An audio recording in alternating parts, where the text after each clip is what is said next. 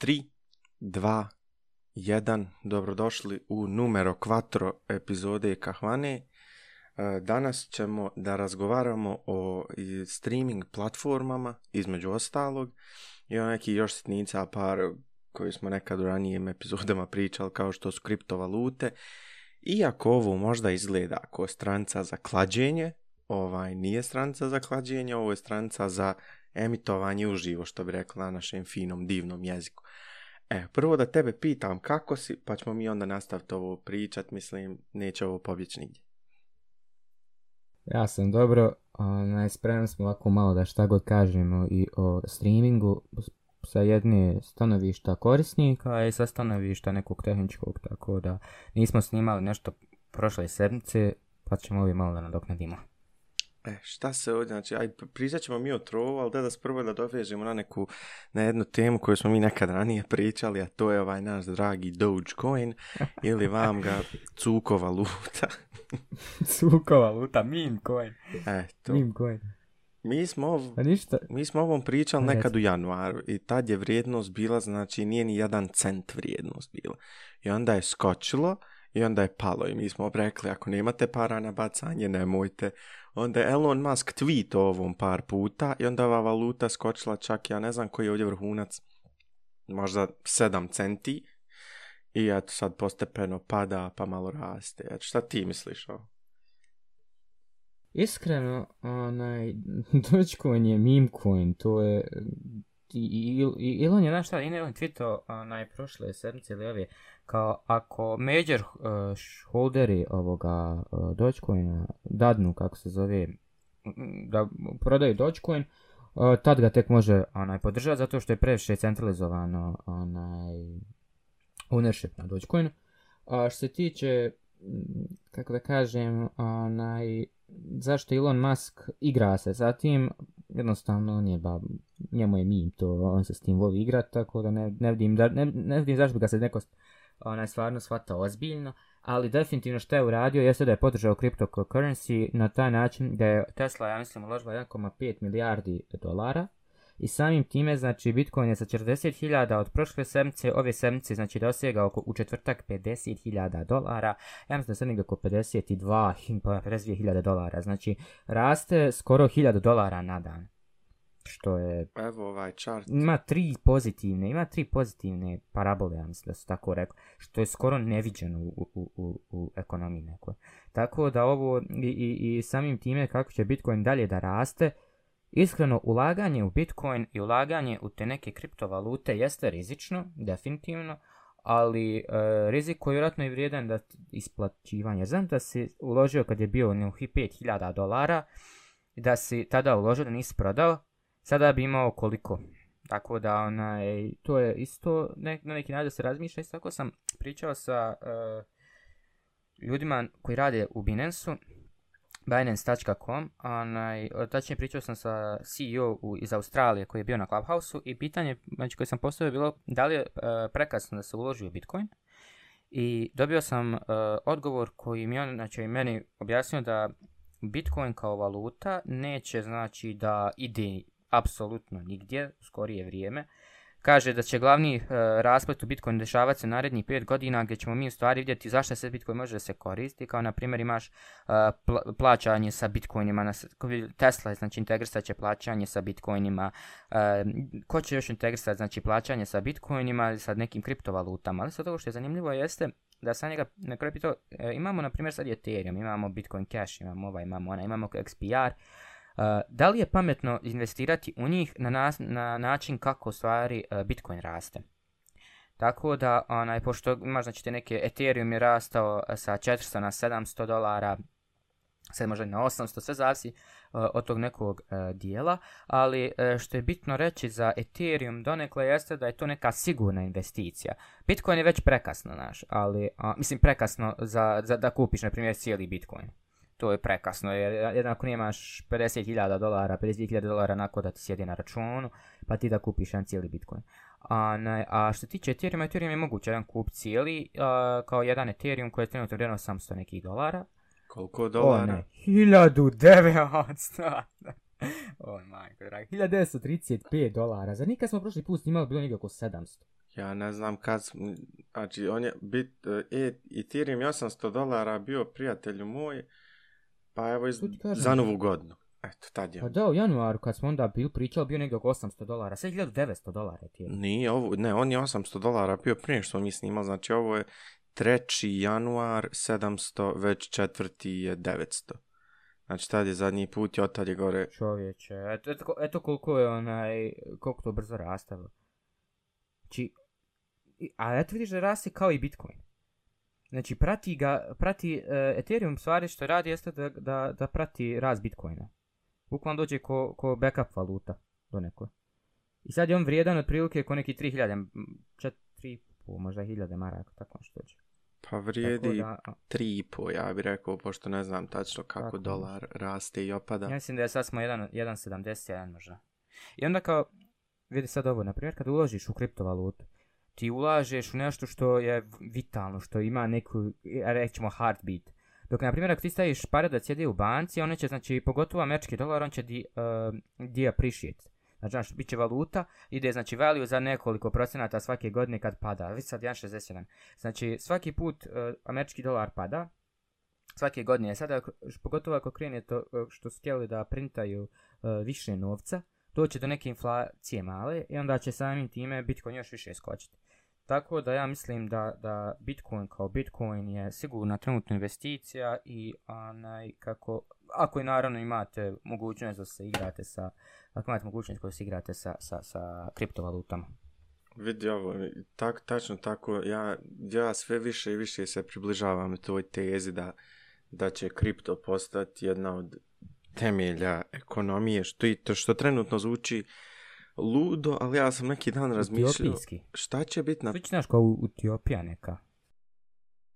Jer ja sam razmišljao, na primjer, to, šta ću ja sad, na primjer, za 30 godina doći ovaj, svojoj djeci i pričati "Ej, kako je tad bio neki Bitcoin, bio neki Ethereum, on će meni reći što, što si bio budala i što nisi ovaj, prodao sve što imaš i kupio stoti dio jednog Bitcoina. e, ali ne znam, ali vidiš ovo, kako Bitcoin raste, tako dolar opada. I to je, to je fascinantno, gdje, znači ovih 1900 dolara vrijedi zapravo samo 3000 maraka.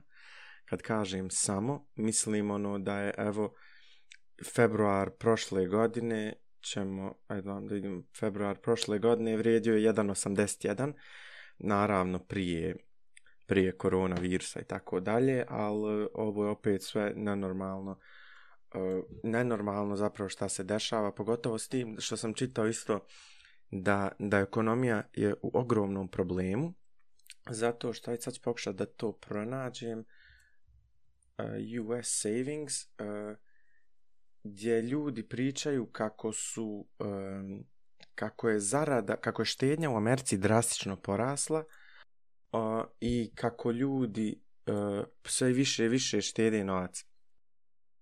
E, to se odnosi na to da ljudi, na primjer, zaradiš ti je bubama, recimo 10.000 dolara i da ćeš ti umjesto da potrošiš tih e, 10.000 dolara, ono koliko bi nekako ranije trošio, e, da ćeš uzeti čuvat taj novac zato što ne znaš u šta bi ga trošio jer ekonomija nesigurna.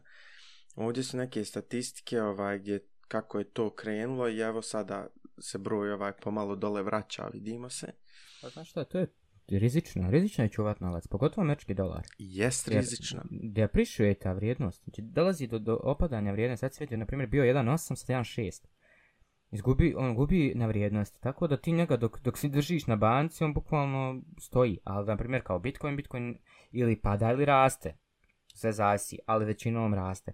Tako da, on, pogotovo sada, tako da mislim, ako imaš savings, bar neki 30% staviš u kriptovalutu, čisto eto kao playing around, donekle, onaj, ali ne znam, sve to jako, rizično je, rizično je, znači ovo nisu naravno financijski savjet što mi ovdje dajemo, jer ni mi nemamo ni, niti jednu kriptovalutu trenutno, ali definitivno nešto o čemu se treba razmišljati, a to je jednostavno da se ta neka kriptovaluta, se uđe u taj neki sistem kriptovaluta. Čak sam vidio da ima i bosanska kriptovaluta, ne znam jesi to gledao. Nisam gledao, možemo pogledati nakon ovoga, ali šta sam ja zapravo htio s ovim reći? Ekonomija, tačnije privreda i sve funkcioniše na temelju da novac koji zaradiš da ga potrošiš. Kad bi mi sav novac koji zaradimo čuvali, ne bi ga trošili, ekonomija bi nam odšla ono u kuršlus. I upravo se to dešava gdje ljudi ne troše novac, troše manje nego što bi inače trošili i onda ti ekonomija slavi. I zato sad spominje da u BiH cijene neki artikala rastu, zato što imamo probleme sa kretanjem robe, gdje taj novi soj korona virusa više je preko glave, da imaš problem gdje, gdje se robe, roba i ljudi ne mogu kretat kroz Europsku uniju kako su se kretali i u ranijim fazama koji su možda i gore bile koronavirusa. I mi sad imamo tih raznih problema oko toga gdje će sva ova ekonomija otići i šta će se zapravo desiti sa, sa štednjom. Mislim, ti spominješ, na primjer, 30% ušteđevnije dati u kripto, ja mislim da je to mnogo, u kontekstu da se prosječan čovjek koji baš ne nije u ovom konstantno, da se igra s tolkim e, postotkom zato što taj novac se može izgubiti. Znači, ova, ovaj kripto u mnogim segmentima može običnim ljudima izgledati kao kladionica, što i djeluje tako iskreno, jer dođe neko objavi nešto na internetu i cijena padne ili poraste. I to ljudi jednostavno moraju biti svjesni toga. Definitivno se složio sa tim onaj, da je rizično, ali na primjer Bitcoin, Bitcoin se sad već gleda kao gold, kao zlato. I zlato može znači da padne vrijednost, ali jako, jako rijetko. Onaj, ali kad ti vidiš da ima ti nekih tri, tri uh, parabole koje su uspješne, znači prvi put u, u, u jedan od, od, od premijenaca u ekonomiji, koliko je sada to uh, kako su oni, kako je Binance, uh, ono kad sam pričao sa njima, kako on rekao, rizično je ne uložiti. To je rizično sada. Više nije rizično toliko uložiti, rizično je ne uložiti. Jer onaj, kako oni e, vole reći, a to je onaj, ako ima, on se nešto govori o nekim satoshima, o kodu, bitcoinu, koliko ima 21 milion bitcoina, kako to sve ide. Ne znam, mislim, ako je ovo e, valuta budućnosti, ne znam, možda i nije, možda i nije, ali kad, ako gledamo znači, na kriptovalutu i gledamo na to kako, uh, kako svijet šifta na neki način do, do nekog, do nekog uh, decentralizovanog sistema gdje oni eh, kažu da više nisu, znači, uh, da nije sva kapital u bankama i kapital u tim, u, u tim poduzećima decentralizovan, nego je de, decentralizovan da je kod naroda taj kapital. Tako da, zanimljivo je, zanimljivo je dosta. Znači, mi ovdje ne radimo opet, znači, da kažemo, ne radimo nikakve financijske uh, savjete, ni na jedan način. Onaj, samo ako, ako ste zainteresovani, odete na, na, na, na internet i naravno pogledate, pročitate za sebe, vidite da li, da li mislite da, da je to onaj, povoljna, uh, povoljna prilika za vas, da li smatrate da, da, da, da bi to nešto za vas znači, moglo biti povoljno ili nepovoljno, znači to je sve to vas. Isto što možete ulagati na berzo i ne morate, tako da sada znate samo na problem da li ćemo se gristi. Naprimjer, sad se svi grizemo što niko nije znao za Bitcoin 2010. godine, jel tako? jel, kad, kad razmisliš ono. A ne se što niko nije vjerovao da će Bitcoin doći do 10.000, pa 20, pa 30, 40, pa 50, 52.000 za dva dana. Znači, 2.000 narastu za dva dana. Koliko je to onog, znaš kad kažu, uh, profita u glavi koji se, na primjer, mogu ostaviti, šta znam, se ostavio hiljadu uh, dolara u Bitcoin, na primjer sam stimulus check, znaš šta je stimulus check, da, da. Dijelovi ka, kad su davali, pa ima sad Twitter account koji kaže kao uh, bot i računa svaki dan koliko bi vrijedio Bitcoin, koliko bi imao sada novca, da je neko uložio svoj uh, stimulus check, kada je prvi put ono bio nekad u aprilu, ne znam kad su on dobili relief package, on, na 1200 dolara, da, da ga je ulago, da je ulagao u bitcoine i onih 600 dolara da je uložio u bitcoin, znači to je negdje oko 1800 dolara, da je ulagao u bitcoin, koliko bi sada to bilo novca. Znaš, tako da je to jako zanimljivo i, i, i cijeli tek svijet je, ono, znaš, uvijek će biti uh, e, u kriptovaluti, to, to, to te treba da čudi, znači kriptovaluta je za te, u, u tehnološkom svijetu uvijek nešto nevjerovatno. Tako da, onaj, to, to, taj neki dio i Elon Musk i njegovo, i kako on, znači, neke stvari uh, govori. Uh, Jack Dorsey je također, znači, sta, Bitcoin podržao, podržao ga je onaj co-founder Reddita, ali koliko god je to na neki način uh, upitno, koliko god je to na neki način rizično, uvijek znači postoji to rizično da se ne uloži. Tako da, ono, sve, sve dolazi do tvog mišljenja, do tvog kako ti smatraš da, da, da radiš sa svojim financijskim sredstvima i kako ti misliš da, da li to stvari uh, smatraš da bi moglo nešto biti od toga ili ne bi. Tako da, zna, sve, sve je trenutno stvar uh, svoje uh, privatnog, privatnog razmišljanja te, te uh, jednostavno do pojedinca je sad kako će to da gleda. Naprimjer, neki gledaju na to da treba sad odmah uložiti, neki gledaju da treba još čekati, neki gledaju da ulože kada Bitcoin padne, sve zasi. Tako da onaj, nikad ne treba ono da uzmaš nečije savjete, pogotovo ne sa interneta, ne na koji ko, ko nas neko dvojice što pričaju. Tako da onaj, uradiš svoj own research i vidiš jednostavno. Tako da, Znaš šta je još uticalo na, na rast Bitcoina? I ova vijest, mislim ovo je sad s bitcoin.com, ja nemam pojma je ova stranca, ono, kvalitetna, ova vijest je prošla internetom, da se Mastercard priprema da podrži transakcije kriptovaluta kroz svoje mreže. Uh, naravno, svi znamo, Mastercard je jedan od dva najveća kartična servisa, ali kako već da to nazovemo, na svijetu i doslovno u svakoj, u svakom, u svakoj zemlji na svijetu doslovno postoji neki aparat koji prima Mastercard kartice. I šta bi to značilo da se, da se uvuče u mainstream nešto poput kriptovaluta? Mi naravno pričamo o tome koliko one koštaju, kako investirati u to i šta sve. Ja se sve više i više prilazim tome da novac više ne vrijedi, jer eh, novac, na primjer dolar, nema svog svoje pokriće ono od 60 70-ih nešto tako i doslovno nema više smisla. Ja sam također slušao Warrena Buffetta, jednog od najbogatijih ljudi na svijetu, jednog od tih jednog od stru, stručnjaka ko, za investiranje koji se mnogo, koji imao mnogo uspjeha u tome i on kaže na primjer da dolar gubi vrijednost ovaj e, 3% godišnji, godišnje i šta to znači? Na primjer, ako ti uzmeš svoju šteđevinu imaš na primjer 10.000 dolara, ti to investiraš godišnje u neki siguran fond pod navodnicima koji ti vraća 1% godišnje, da ne gubiš novac kao, ti opet gubiš 2%. I onda, zato, i onda se opet vraćamo na onaj temelj koji kaže da su najbolje investicije uvijek bile prvo zlato, drugo srebro i treće nekretnine. Uh, to se sad izgleda malo mijenja s dolaskom Bitcoina, ali dalje naravno zlato i srebro jer ga ne može više koliko ga ima na zemlji, toliko ga ima, nekretnina koliko ima, toliko ima i zemlje. Čak imate onu činjenicu da, da je Bill Gates najveći vlasnik uh, zemlje u SAD-u.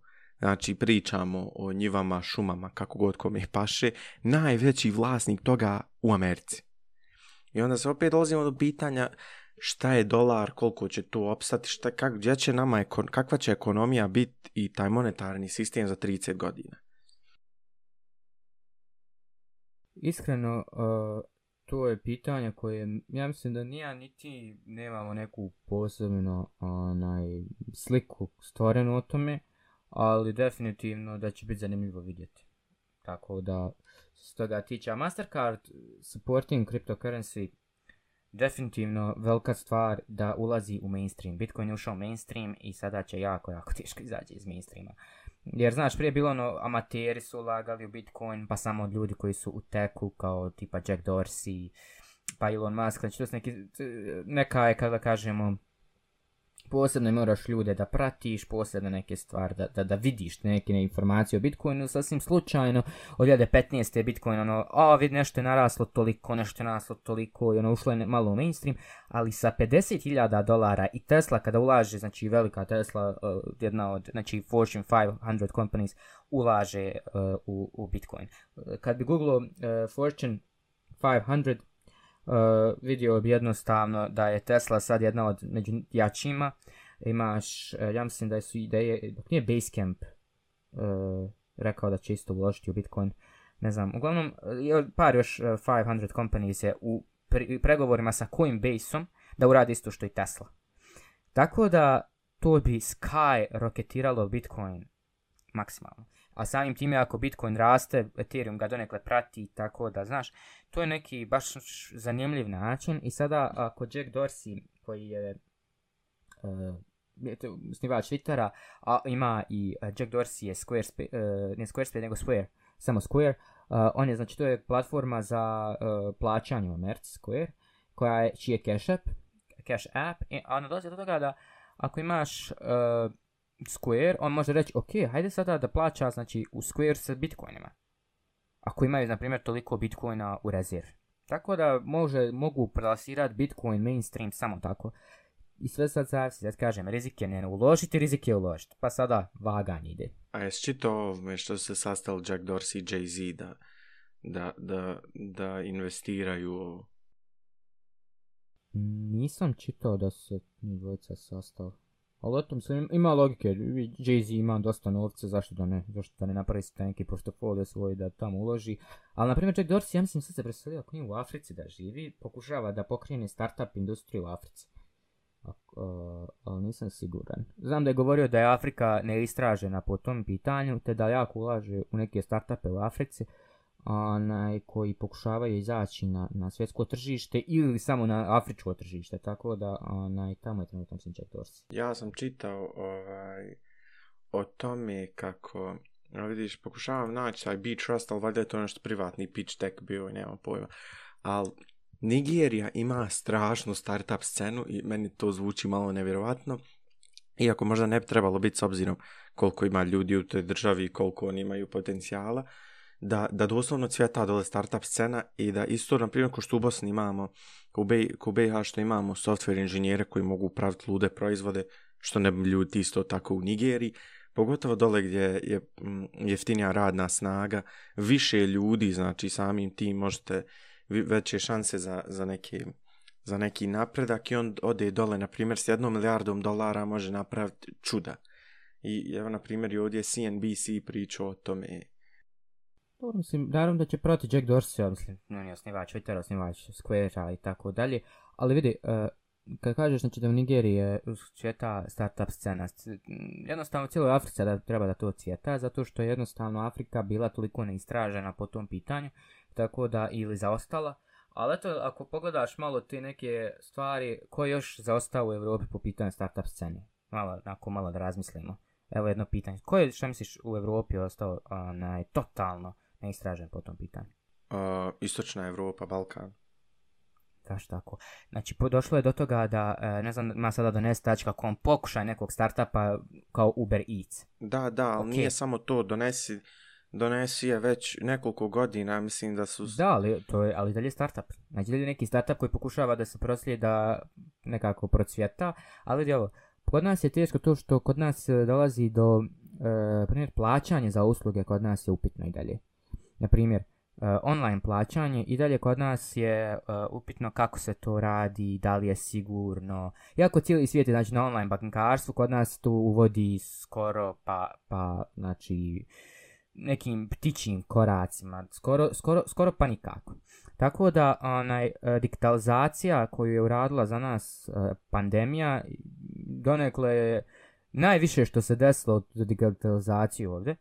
I kada razmisliš o tome i shvatiš, ok, sada znači ima, ima neka šansa da se neki startupi otvore po tome pitanju, ali ko bi došao investirati? Jer ovo malo tržište, ti kad kažeš Bosna i Hercegovina, to ti 3 miliona ljudi maksimalno neki maksimalno toliko. Ko bi ti mogao znači, da bude uh, profitabilna margina? Neki to 3 godine da imaš 3 miliona korisnika, to je cijela država. Znači ti treba da izađeš na područje cijele Evrope, jer iz Bosne, znači, vjerovatno možeš raditi na područje cijele Evrope. Jer kad shvatiš prvo geopolitički, znači geološki, geološki, geografski položaj, BiH je takav da ima, znači, pristup cijelom tom nekom, e, cijelom nekoj Evropi. I samim time, ako mi kažemo, evo, donestač.com, e, da one e, naprave način da u stvari, e, osim, znači kod nas je to trenutno mislim samo u par gradova da radi kako treba, ali na primjer kao Uber Eats Evropi, što je sasvim moguće, ali ko bi mogao investirati u tu infrastrukturu. Tako da dolazi opet, znači kad kažeš in, uh, Nigerija, ne znam da li si čuo za etiopijsku onaj, startup scenu? Ne baš. Ima znači i tamo cvjeta uh, startup scena, pogotovo u Etiopiji, zašto? Zato što, kad, uh, zato što je tamo, mislim, da vidi uh, da li je Jake Dorsey bio u Addis Abebi, glavnom gradu Etiopije. Jer ako je, uh, bio mislim da nešao tamo kao startup, uh, startup uh, researcher da vidi da li ima neki startup vrijedan ulaganje. Jer uh, znam da je otišao, da jedno vrijeme bio u, u uh, Etiopiji. A, iskreno, ne znam, evo ovdje nešto iz 2019. gdje piše da bi on trebao da se da ode u Afriku. Ja, ne, ovdje piše januar 6. i 20. imaju sastanke u inkubatoru, u Lagosu, Jad sa bebi. Ali to što ti govoriš sa donesi.com, ba, kako god, to iskreno je, i malo starija vijest jer on duže postoji. Imaš dva startupa koja su u koroni krenula po mojim, pro, po mojim kako saznanju, to su Korpa i Ceger, koji doslovno sad traže dostavljače po gradovima u BiH. Korpa ti je Instacart. Šta je Instacart? Kako mislim? Instacart je bukvalno Korpa, Instacart i u, u, u SAD-u postoji već par godina, slobodno za Instacart. Ma ne, vidi, sistem postoji, ideja osoba, postoji. Pa da, ali vidi, odeš kao osoba u prodavnicu i ti pošalješ osobi koja rade za Instacart da ode kupi stvar za tebe. Ja, I bukvalno ti donese na vrat. Razumijem ja to i znam ja da ta ideja Sistem postoji. Uber Eats, uh, kak se zove onaj DoorDash, uh, bilo ih je još. DoorDash, da. ne znam tačno koliko, ali oni svi postoje, na primjer u Americi, to ovdje u nas ne može, isto što kod nas Uber nema, ja mislim kad bi neko napravi Uber neki koji bi legalno mogu fercerat u BiH pored, A Uber je pokušao ući u BiH. pa pokušao. Pokušao je ući, ali ni, dobio, mislim, onaj, nije, su- nisu uspjeli složiti sa udruženjem taksista. Ako nije E. bilo nešto. Vidi, mislim, ja mislim kad bi neko to pokrenuo u BiH i pokušao se boriti s tim na svim razinama vlasti da bi imalo mnogo potencijala, jer ja mislim da bi čak omladna više vjerovala ovaj, tako nečemu nego ovim našim dragim taksistima. I šta se još desilo, čitam u Velikoj Britaniji da su deklarisali Uber vozače kao radnike i ono kao da ne može biti... Moram sad, da, mora im Uber plaća, plaća doprinose. Pokušao sto ja sad, evo sam im nije prošlo, Uber uspio dobirati u, ja mislim, Kaliforniji da je to bilo. A, naj, pa to ti je, kako to se, u, da je fin izrazim, to ti je za Uber nightmare. Znači, oni su ljude smatrali ne, ne radnicima Ubera, nego su ih smatrali jednostavno servisom nekim koji primaju auto, njima dadnu i oni onaj, samo konektuju i to je to. Ali ako ih smatraju radnicima, e onda dolazi plaćanje doprinosa, plaćanje ovoga, plaćanje onoga što Uber kao kompanija mora da plaća tim ljudima sada. I naravno to im, to ih košta, tako da to je sve znači donekle upitno. Da, ali ja mislim da šta je zapravo tu caka, jer Uber nije htio biti poslodavac, nego je Uber htio biti web stranica, web servis, jer ne želi zapravo da, da plaća te doprinose ni da se bakće sa tim, sa tim protokom novca u tim... A sad mora, Pa da, sad mora. ali mislim, mislim pokušat će se oni izboriti s tim, naravno, ali vidit ćemo dokle će, ka, mislim, vidit ćemo kako će to ići, jer Uber je do sad ono bio profitabilan, korona ga je malo, eto, e, nokautirala, ali eto, vidit ćemo šta će biti s tim, ali svi ti servisi su imali svoje poteškoće, ali svoje neke, kako da kažem, dobre strane, ali, vidit ćemo kako će izaći s tim, na primjer, ovi startupi u Sarajevu, što sam ja gledao, ne znam jesi ti vidio ovo, možda ću Bibi, oni električni skuteri, kako se već to zove. Nisam, ne pratim. Ne, ne, ne znam, ako, ako čujem, to bude znači preko, neko, preko LinkedIna, ali vjerovatno na taj način, ali pošto ne živim u Sarajevu, ne, nisam baš poznat sa startupom u Sarajevu. A, ovo je taj mm, a, ovo je taj servis, vidiš ovo, ovo doslovno skuteri. A, ja mislim da ovaj čak dizajn skutera, da sam ga vidio već negdje da ovo neka fabrika. Ovo je, uh, ova bila je, uh, aha, da, ovo ti je uh, kompanija se u zapadnom tržištu zvala, zove Bird. Da, mislim ovim imaš. Bird Lime, ovo ono. Bird, ali Bird morao kako, onaj, tokom pandemije morali su napraviti, ja mislim, otpuštati ljude zato što je bilo neprofitabilno. Jer ko će dirat skuter kao javno vlasništvo za vrijeme pandemije kad moraš desinfikovati ruke svaki 5 minuta.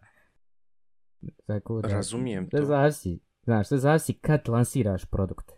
Ako ovo lansiran za 2018. bilo bi kao i Bird katastrofalno uspješno.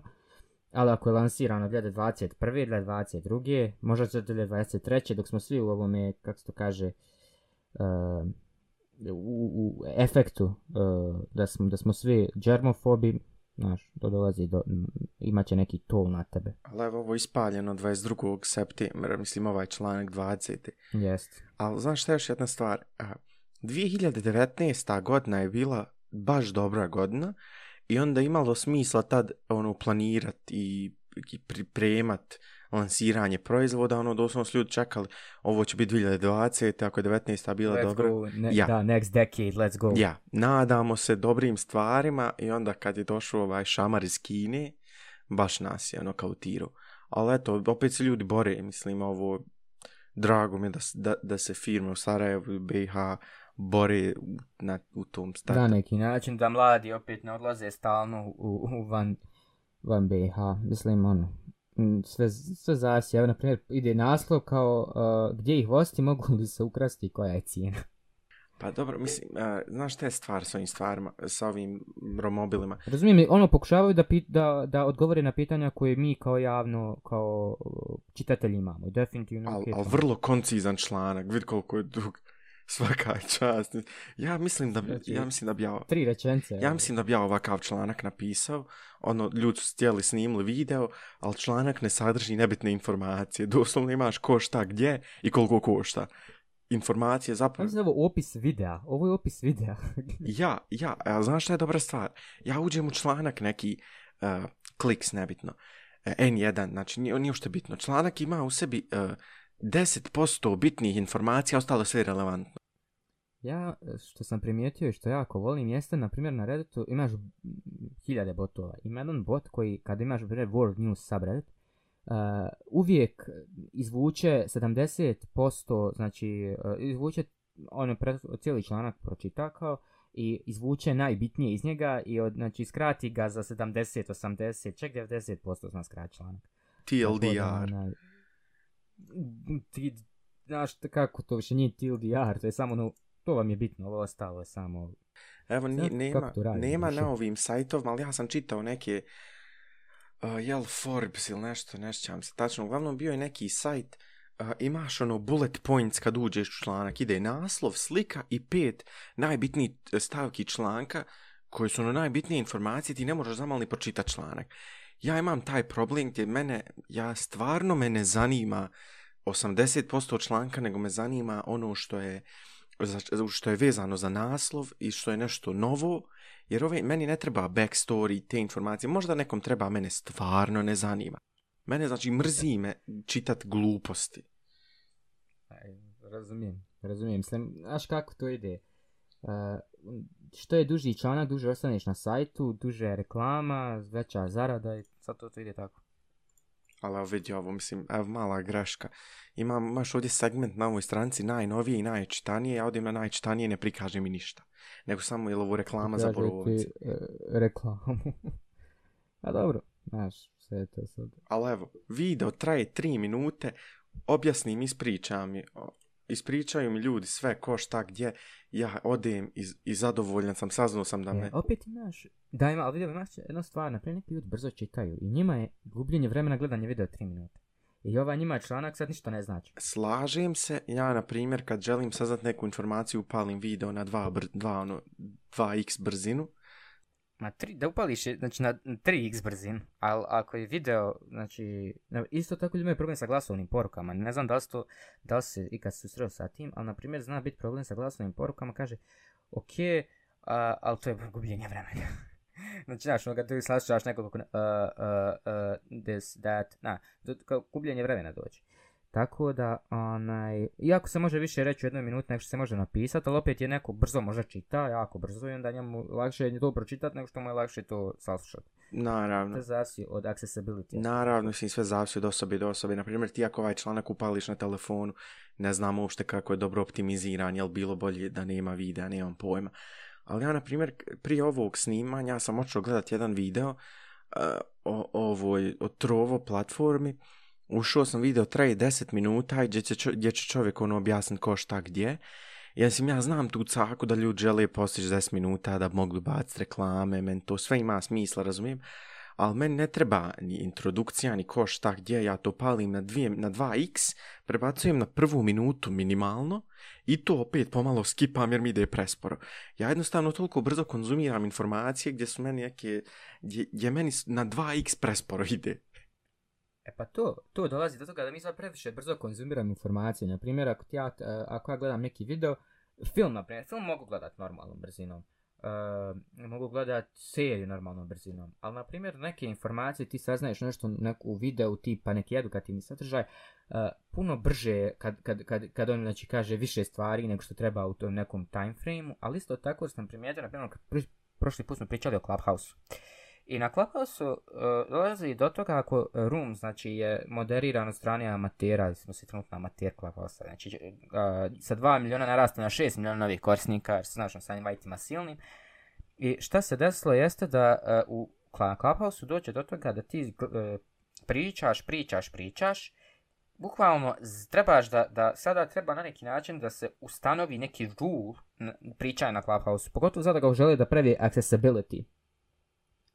Accessibility, jer e, čuo sam neki radi na način, ok, kaže, uh, ako, uh, e, Nedim, uh, hello, Nedim speaking, i every time, znači svaki put kad želiš da pričaš, kažeš, hello, name, your name is speaking. I onda kad završiš, kažeš out, kažeš nešto da bi software na kraju mogao razumjeti to i znaš da li kao pisati one captions što će biti uskoro jako zanimljivo da, da vidimo kako će to izaći, ali primjetno to da dolazi do ljudi, na primjer kad gledaš samo u taj telefon, nemaš neku reakciju, trenutno na Clubhouse-u nemaš ništa, ti jednostavno ne možeš da pročitaš kad neko završi priču. Ne možeš da, da, da pogledaš nešto tipa, znaš, no kao imaš uh, uh, ti jezik tijela, to, toga nema. Tako da, ona, i kad neko priča na Clubhouse-u, on priča sa e, e, znaš, kao normalan čovjek. I onda ti, onda ti to više postane dosadno. I onda isto dolazi tog nekog konzumiranja kontenta i tim će se oni morat nekako nositi. A konzumiranje kontenta, na primjer, u ubrzano konzumiranje kontenta, pogotovo je zanimljivo, na primjer, ako učiš nešto novo. Ja sam čuo da ljudi dosta onaj, u softveru, na primjer, koji su napredni i sam želi nešto novo da pogledaju, tipa neku novu stvar, e, nešto novo izašlo, kod nas programiranje, to bude neki novi framework, i ti u softveru, znači, bude neki novi framework, ti to na brzinu, znači, pogledaš sat i pol tutoriala za 25, pola sata maksimalno. Jer, je, znaš, imaš mogućnost da sada to puno brže koncipiraš, puno brže vidiš šta se dešava i zato ga odvrneš na dva i po i ide. Al vidi ovo, znači, ja neki dan, ne znam u čemu sam radio, neki Adobe program, možda Illustrator, Premiere, nebitno, i ne znam nešto u rad, odlazim na YouTube, ali doslovno mi treba komanda, ono, jedna koju nisam mogao skontat. Odlazim na YouTube, kucam, ono, how to, bla, bla, bla, šta sam već kucao, imaju tutoriali, traje, znači, 7 minuta, 10 minuta video za jednu stvar.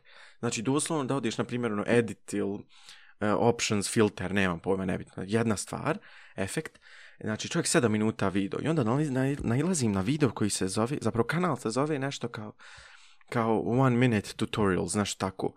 Ja ulazim u taj član, u taj video, tip objašnjava za 30 sekundi, znači za manje odružine videa, mi objašnjava, hej, odma to, to i to, eto ga. A ne, ja uđem u tutorial, čovjek mi objašnjava kako doći do onog gdje sam već došao.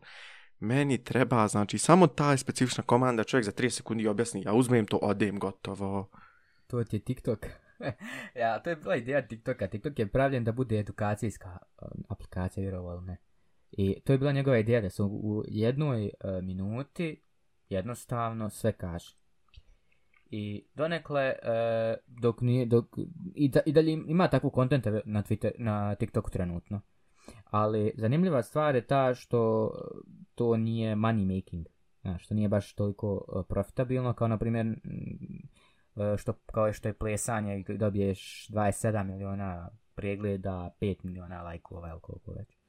Tako da, onaj, sve, sve zavisi od konsumer, konsumera, tako da to ti je, i, i kod YouTube-a, neko, neko hoće da gleda to, da nađe dok treba doći. Sve, sve to znam. Ali evo, zamisli ovo, ja sad kucam, na primjer, um, neki dan mi je bilo, ja OBS instalirao, neće da mi captura Chrome. Ja odlazim na YouTube, kucam uh, Chrome, eh, uh, OB, how to capture oh, Chrome with OBS, nešto tako error, ono, bude black screen. I rješenje tog problema je da uđeš u settings i ugasiš, ja mislim, hardware acceleration u Chrome. Ta komanda da treba doslovno 30 sekundi imanje. Ja odlazim, video traje 7 minuta, kako da ja to uradim? Prijatelju, ja već skino OBS, naštimo sve, samo mi reci kako Chrome, specifično Chrome da capturam i ja izlazim. Ja, znači, trebam informacije 10 sekundi. I to je zato problem sa znanjem. Da bi ti znao jednu stvar raditi, moraš otići konzumirati mnogo informacija. Da bi mi sad... To je fino, onaj chapter na YouTube, izviš te prekida, ima onaj chapter sad na YouTube, i fino je kad neko kod preti tutoriala napravi da. chapter, ti sam preskočiš na taj dio. A, onaj, šta sam ti htio reći, uh, mi smo trebali pričati nešto danas o uh, streaming platformu. A pričat Evo ovako, ispričali smo se mi o, o, o startupima, o Bitcoinu, nema čema, čega nismo između toga da je Clubhouse porasto na 8 miliona članova i da, da se na ovoj skali vidi zapravo koliko je koliko je ljudi ovaj instaliralo sedmično Clubhouse, ono, zamisli da ti aplikaciju skine 2,5 miliona ljudi za dan. Ali eto, mislim, toliko o tome. Ja mislim... Mogu samo zamišljati trenutno. Mogu samo zamišljati. ja, za, aj zamišljamo, doći jednog dana kad napravimo mi bosanski TikTok. Aj, znaš, može biti. Napravit ćemo bosanski TikTok, ali ono, bit će nešto kao OnlyFans i naštivat ćemo nešto da, da zarađujemo. Opet nemaš 2,5 miliona da. Na sedmicu nema šanse. Ali mene zanima koliko oni dobiju downloada, mislim koliko para. Zamisli protoka novca čovječe. Ne ko, dobiju ništa. Ko centralna oni banka u Sarajevu. ne, oni su trenutno neprofitni. Totalno. Kako? Nemaju, nemaju reklama, nemaju ništa. Oni sad sam plaćaju silne servere.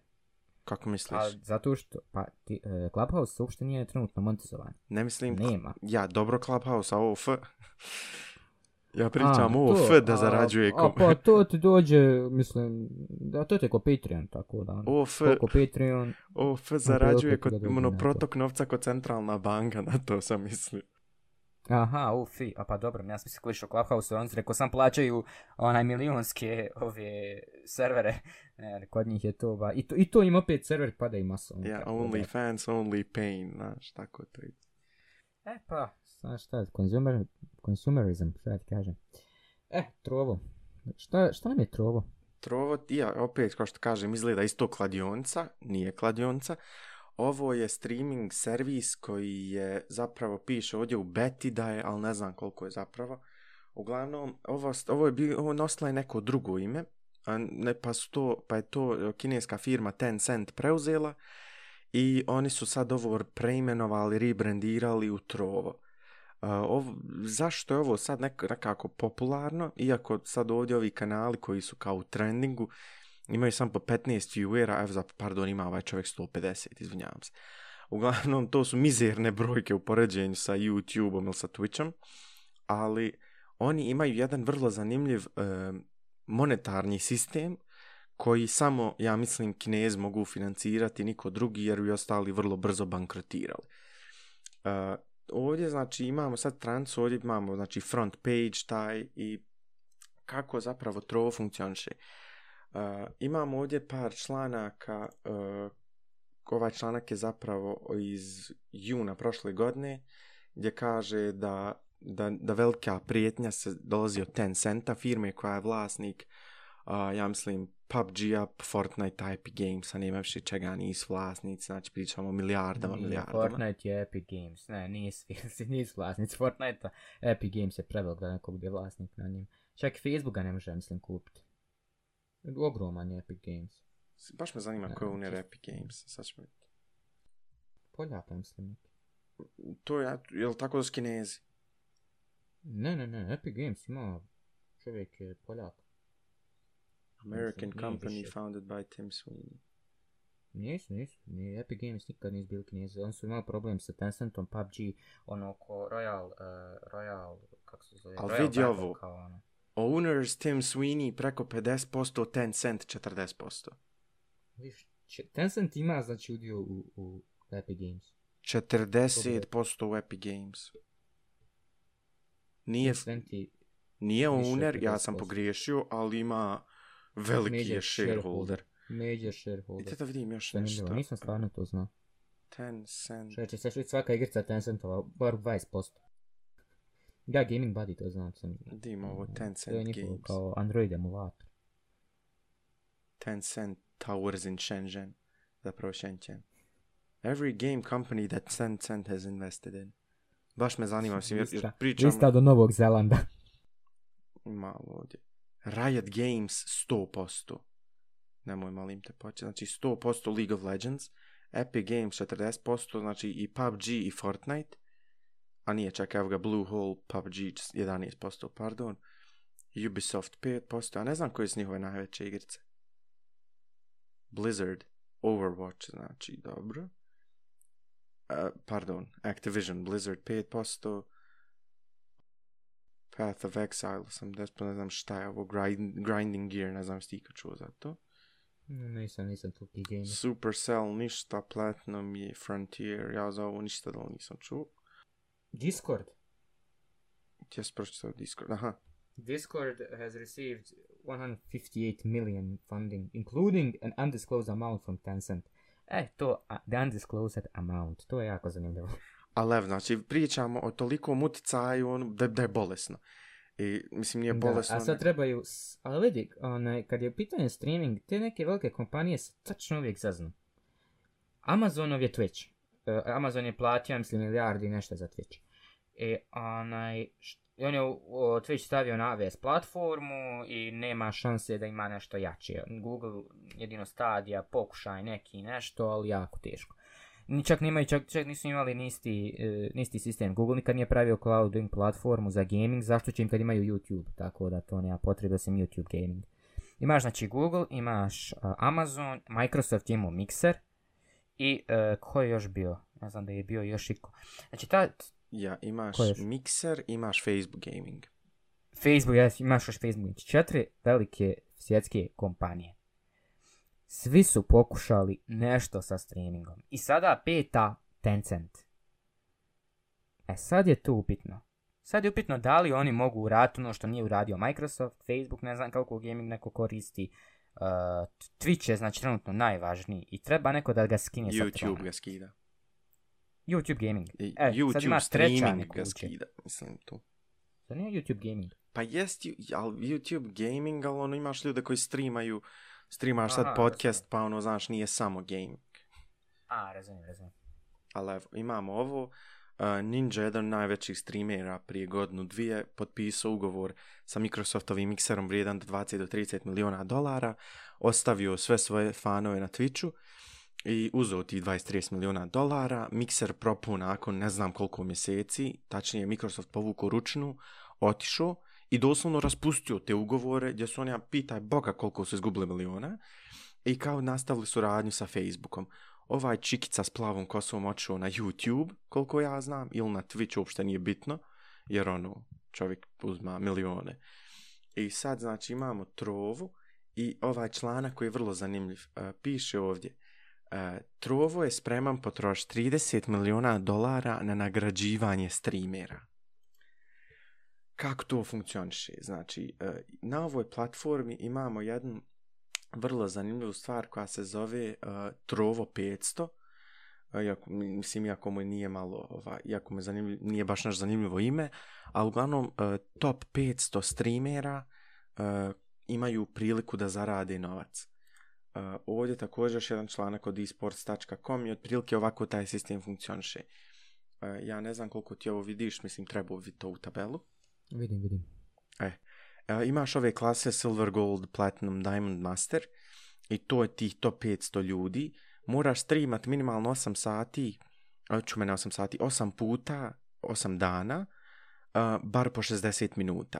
Znači da imaš 8 dana mjesečno po 60 minuta uh, uh, minimalno i onda se to računa sad u ovim satima. Uh, za bi imao Silver moraš imati preko 400 sati i gore vidiš kako to sve ide zarada ti isto tako funkcioniše po klasama. Znači, ako upadneš u top 500, minimalno 400 sati uh, streamanja, možeš zaraditi, znači, doslovno uh, 600 dolara i plus ti 120. Eh, e, sati se računaju, naravno, ako te gleda jedna osoba sat vremena, to je jedan sat. Što te više ljudi duže vremena gleda, to ti je veća zarada. To je prosta matematika. Uh, šta se ovdje dešava? Uh, ima isto uh, subscription uh, subscription base koji na Twitchu i na YouTubeu nema donacija kroz chat kao što ima na primjer na YouTubeu, ali imaju tu stvar koju oni zovu mane, gdje ti kako gledaš dobijaš te neke pojene koje možeš donirati svojim streamerima kako bi oni mogli odzavršiti na front page-u. To je mislim kao bazirano na interakciji i kao što ti više doniraš, ovaj, što ti više doniraš, više će oni ono biti kao popularni. E, trenutno ovdje streameri znači imaju vrlo malo pregleda i najveći pregledi koje sam ja ikad vidio ovdje su bili od balkanskih streamera koji su igrali doslovno GTA 5. Uh, I ovo znači ne znam, vidiš i ti da pričamo o mizernim brojkama viewera. A mogu li oni, kako se zove, ako ja streamam na dvije platforme, na primjer ako streamam za isto vrijeme na Twitchu i na Trovo, da li je to moguće? Imaš, ta, imaš taj sistem, stranica se zove Restream.io uh, i ti, na primjer, uh, kako streamanje funkcioniše? Uh, upališ uh, upal... Ja sam neki coding dio iza toga, na primjer kako software funkcioniše, ali me zanima kao da li je moguće po njihovim privacy, onome, kako se zove, uh, privacy policy ili kako već, da ja snimam na, na više platforme. jedno. Uh, da, zato što vi ljudi, kolika, ne znam kakvi su im ugovori, ali, na primjer, ni- nisi, e, ne moraš biti exclusively na trovi. E, to me zanima, rekao, ako baš ono samo smijem snimat Da. na, na Trovu. Da, nije, onda, nije ekskluzivno, ali zarađuješ naravno ako streamaš na, na trovi. Jer ja sam gledao, na primjer, ove balkanske youtubere, sad prati stream bubam 5000 ljudi i oni ono nabiju 5000 ljudi i kažu hajmo preći na trovo, uđite na trovo da, da zarađujem pare ono, samo od streamanja. Jer na YouTube zarađuju ono većinom od donacija, sponzorstava, ali na trovi zarađuju doslovno direktan cash tako što ljudi gledaju njih. I da, da, razumijem. i sve dok ti ljudi njih gledaju, uh, on zarađuju. Jer inače, evo, uh, i onda se te borbe dešavaju ko će više zaraditi, on se takmiče. I jedine hiljade, kad na primjer pričamo sad da gleda neko, da, da hiljadu ljudi gleda uh, ove streamere, ja sam sam to vidio kod balkanskih youtubera, što mi ono, evo ti sad uđeš ovdje i gleda ga, gleda ga 27, gleda ovu, ja mislim da je ovo žena, i vidiš ovdje piše uh, English i Phil, možda Filipino, evo ovdje piše SRB Eng, i ovo napišu kao ENG da ih možda neki stranac ne bi slučajno gledao, streamaju na engleskom, na, na, na srpskom, nebitno. I, o, i, ljudi sad ovdje dođu i doslovno sam Balkanci zarađuju na ovom, što je meni skoro paradoksalno, evo i Grk. Što je, zamisli sad da imaš streaming platformu koja je bazirana na svijet, financi... Meni ovo izgleda Reci, na neki način, ne znam, znaš šta je DTube?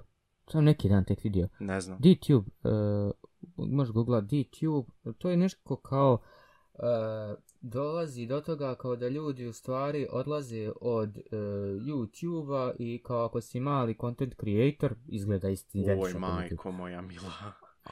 Onaj, izgleda identično, ali znaš kako radi, ima neki svoj coin, DTC coin, i na taj način radi. Znači ti cryptocurrency.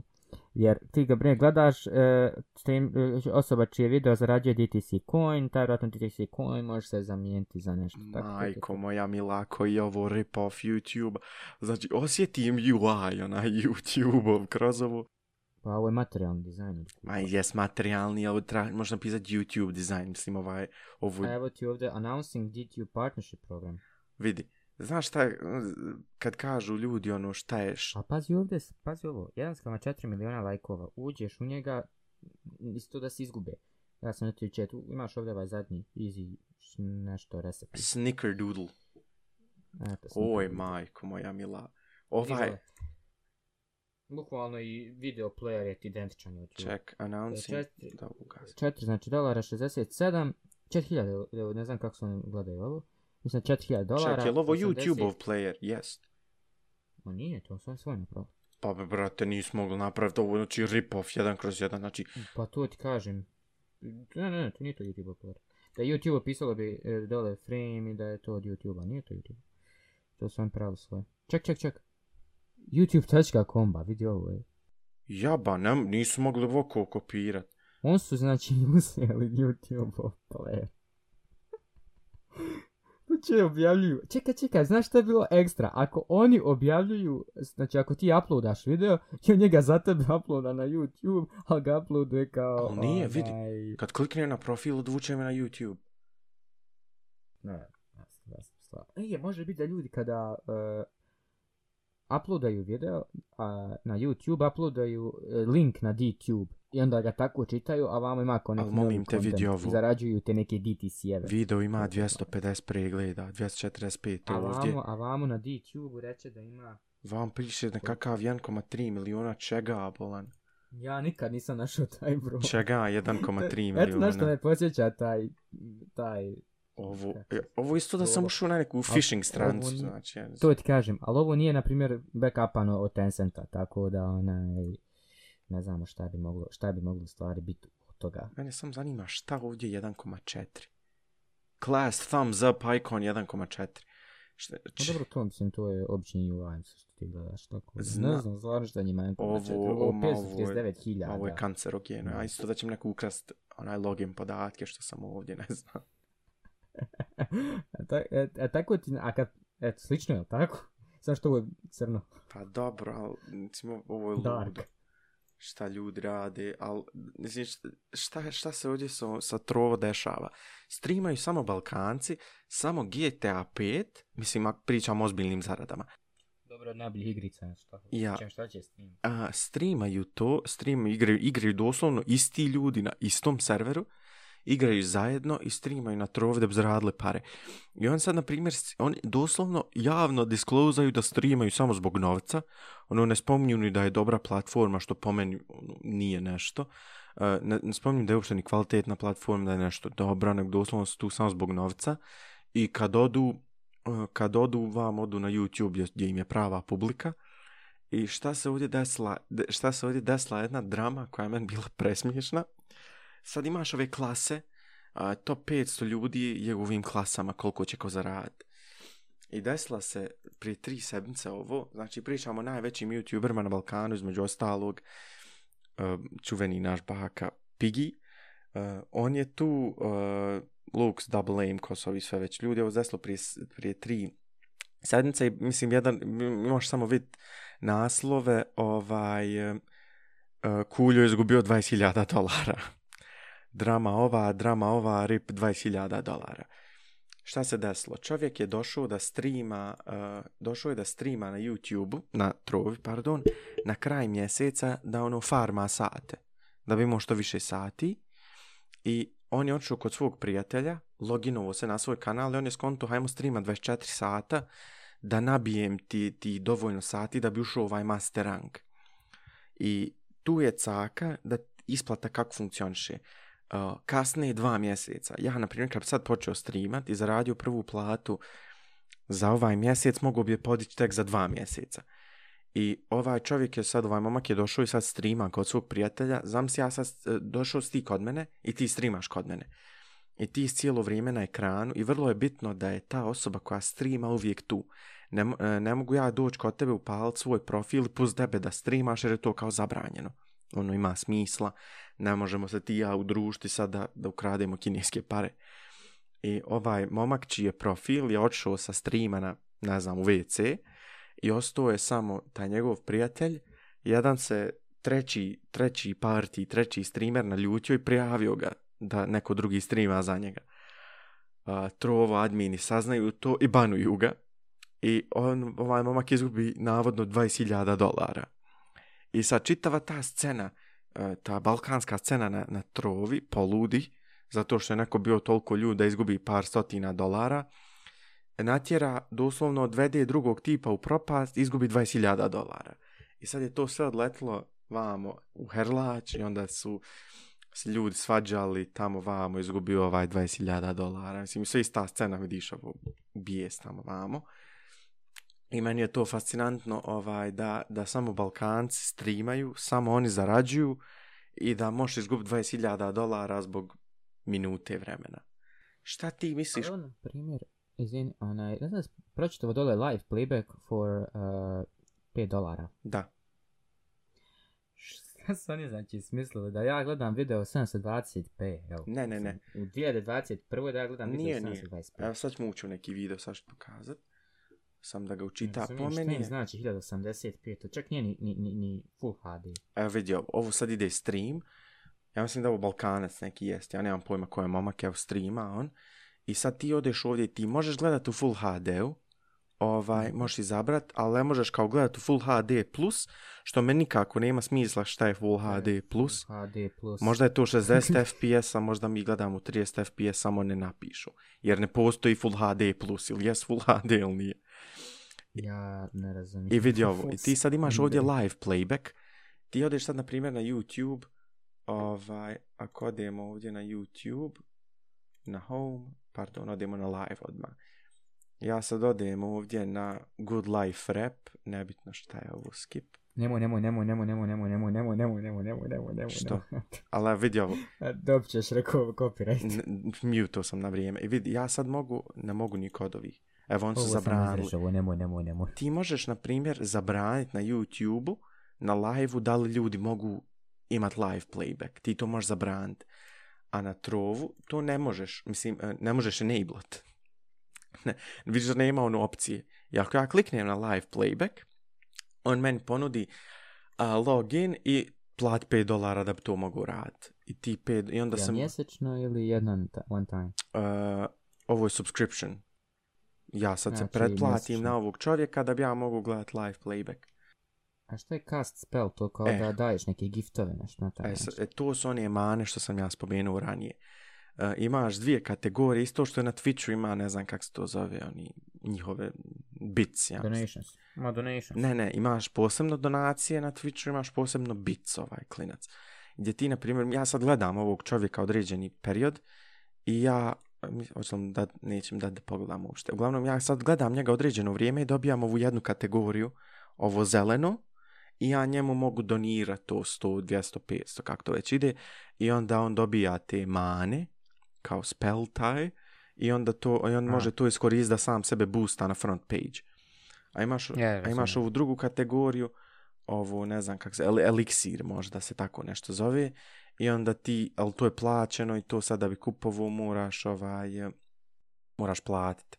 I onda oni sad imaju sve te neke cake da bi tebe, da bi ti dali incentive da ti gledaš, da bi mogao ovaj, da bi mogao zarađivati fik, taj njihov fiktivni poene i donirat. I ovdje imaš nekakve spinove za mal kladionica, znači house. I Kinezi su pripremili 30 miliona dolara kroz 18 mjeseci da, da financiraju ove youtubere sa, sa doslovno mizernim brojkama. Ako im je ovog taktika, ja mislim da oni imaju previše para na bacanje. Ali ovo, na primjer, nije loše. Imaš ovo... Ja ne vidim. Da, to, do, dobro to. Onaj, znaš šta je zanimljivo meni u svemu? Ne znam da, da će ovo nešto posebno izrasti, jer Twitch, ako Facebook nije uspio skin Twitch sa trona, ne vjerujem da će, da će neka nova platforma koja nema korisnika to uspjeti. Facebook je znači iskoristio svoj znači user base od milijardu korisnika Dvije milijarde. i nije uspio to da uradi. Tako da, upitno, veoma, veoma, veoma upitno da, da, da li će ovo opet možda izaći ko mikser samo shutdown. Al, al da je, al, št, al ovo je znači isto, znam se ti sad neki streamer na Balkanu i streamaš na, regularno na YouTube-u i dođu neki kinezi i kažu, hej, dajemo ti pare, ova, hoš doći. I ti kontaš, pa je, daju mi free money da streamam vamo, ovaj, što ja ne bi uzmuo te ogromne svote novca kad mi ovaj čika kinez već daju to. Znaš šta, neki, mislim, burning cash na, od, od, od Tencent, a šta njima 30 miliona, znači, to me ne čudi da, su, da, će, da će pokušat na taj način.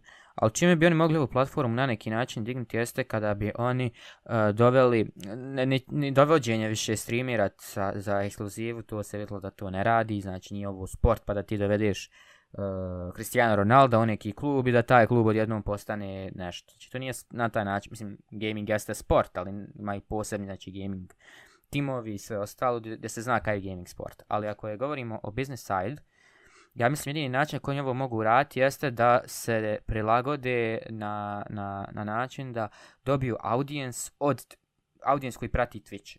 Na primjer, ja nikad ne mogu sjediti toliko sati i pratiti nekog streamera, Dopusti postoji ljudi koji bi im to mogli.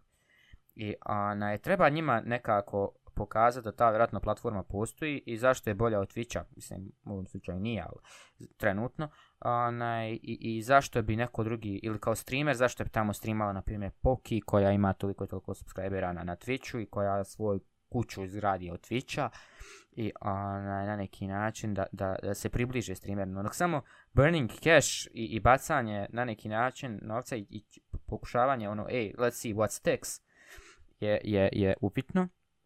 Jer e, pokušao je Microsoft to. Microsoft znači ima enormno mnogo keša.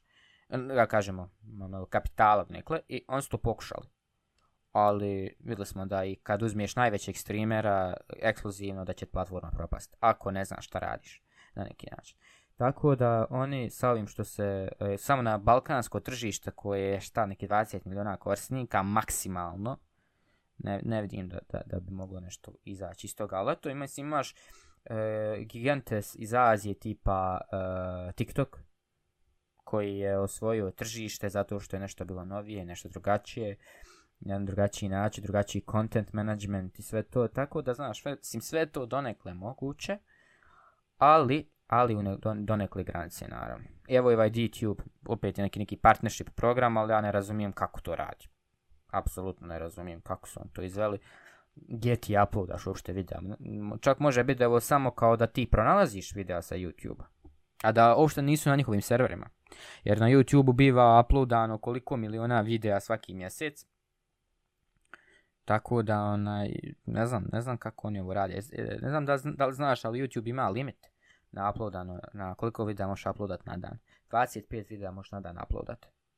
Onaj, tako da oni imaju limit i mislim da ako YouTube to tako radi na neki način, upitno je. Ali evo imaš isto tako, uh, kad govorimo o ekskluzivnosti, Joe Rogan, Spotify. Uh, on je znači bio, eto to da, Joe Rogan Experience, znači on je bio prvi koji je doveo podcast scenu na veći nivo. Uh, I on je to uradio uh, preko znači, YouTube-a, imao je svoj podcast, njega je slušalo dosta ljudi, imao je čak Ilona Maska, dobio je veliki publicitet kad Elon Musk onaj, sa njim, kako sa što radili, Smoke Weed ako nije ne mogu se sjetiti, je li to bilo sa Joe Roganom? Uh, jest, ja mislim prvi put. A ona je dobio maksimalno velika onaj, publicitet, njega je vidio Spotify, Spotify također je startup, mislim ne znam više da li je startup, ona, ali ima uglavnom uh, pokušava da se probije na tu scenu podcasta kao audio platforma, ali što on pokušava, pokušava napravi uh, video, uh, video Spotify, mislim, ono, nema logike.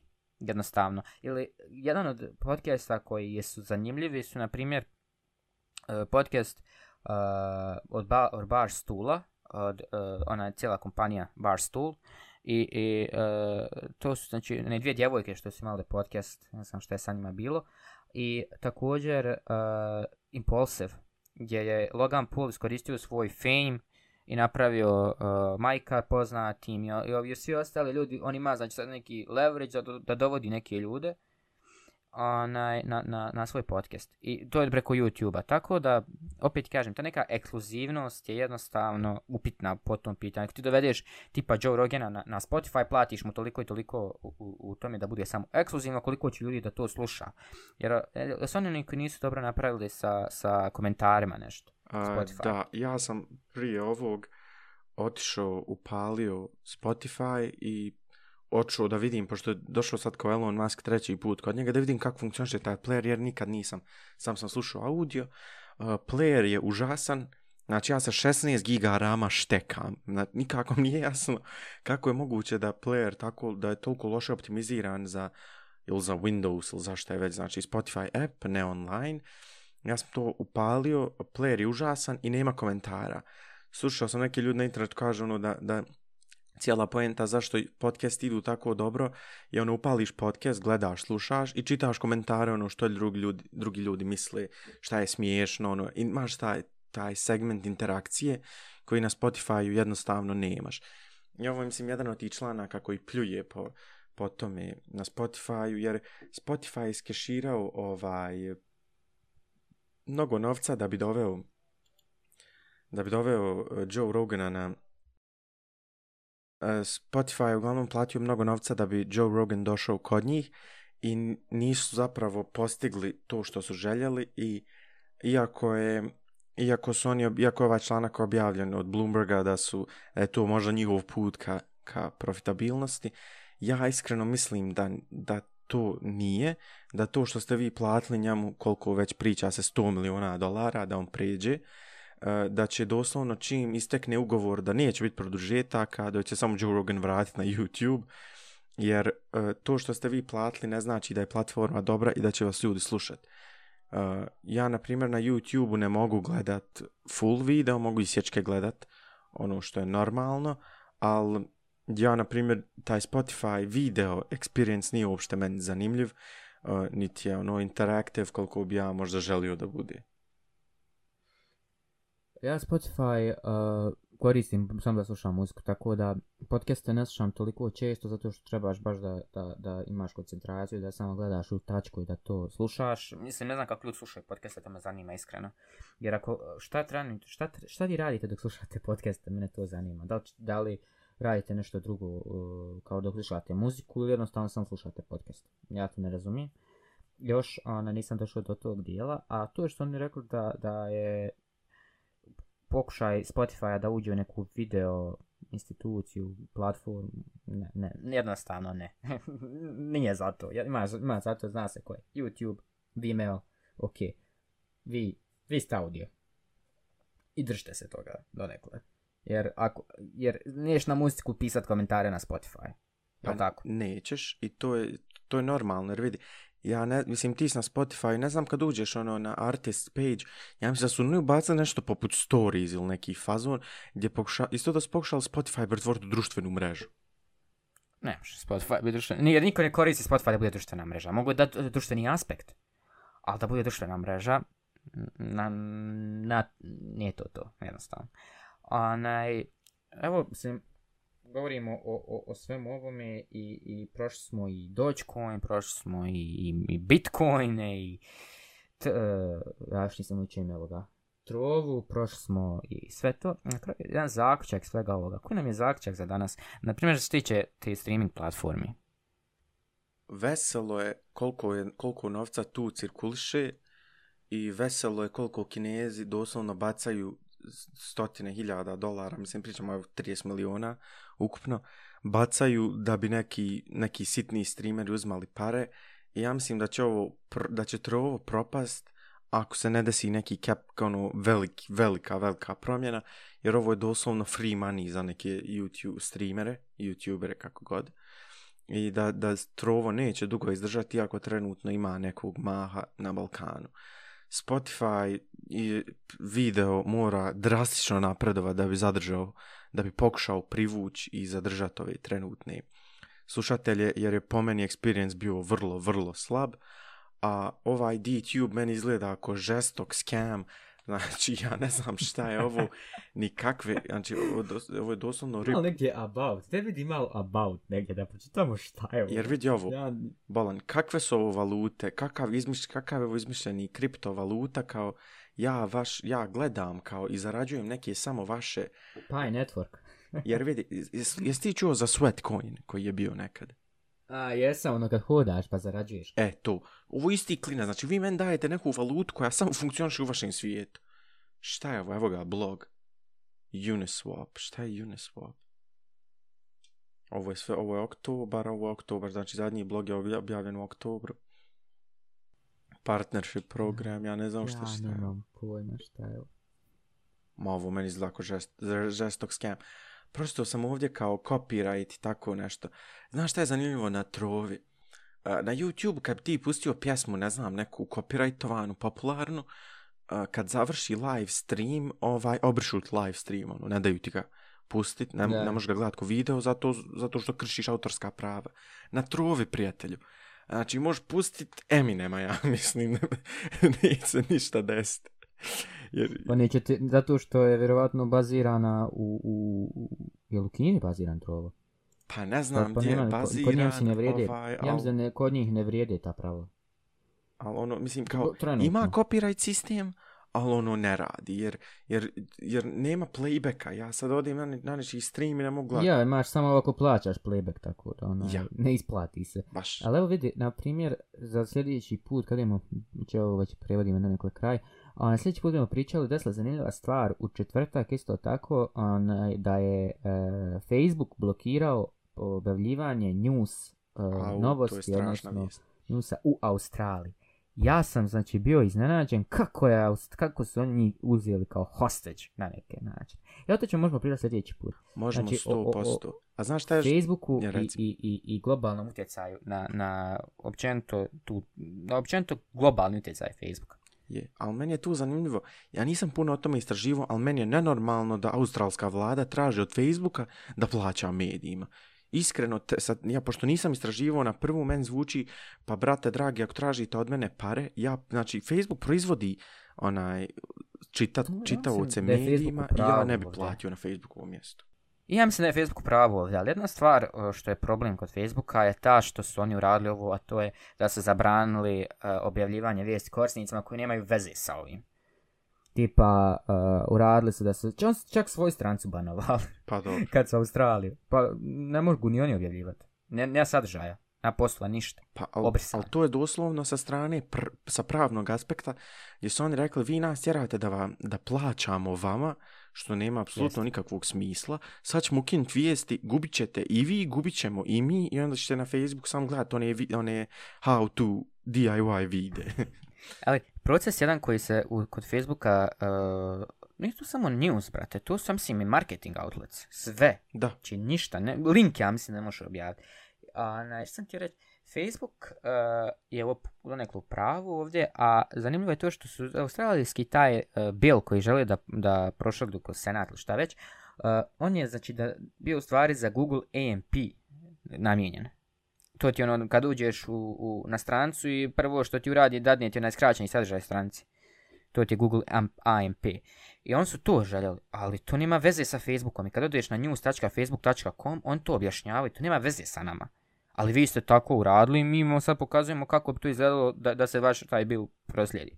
I na neki način utječu na, na onaj glas. E sad može doći od toga da će uh, ljudi u Australiji zamrziti Facebook ili će utjecati na svoju vladu da malo kažu ok, to je meni iskreno glupo, jer, jer ljudi koji se bave a, legislaturom i senati i klinci do, dovedu Zuckerberga ili ne znam onog Sundra Pichai, onog CEO-a Google-a, dođe čovjek u senat na ono ispitivanje kako je već bilo, i postavljaju objašnjava mu, kako internet se koristi. ja, postavljaju pitanje, e, kako internet funkcioniše, isto da im je došao vanzemaljac. I čovjek, se, čovjek Ok. znači, ne zna šta da im kaže, osjeća se ono isto, isto budala ondje, mislim, u neku ruku, osjeća, ne zna šta da im kaže, isto da priča sa djecom, ono, od pet godina i pita ga dijete, ono, "O, šta je Facebook?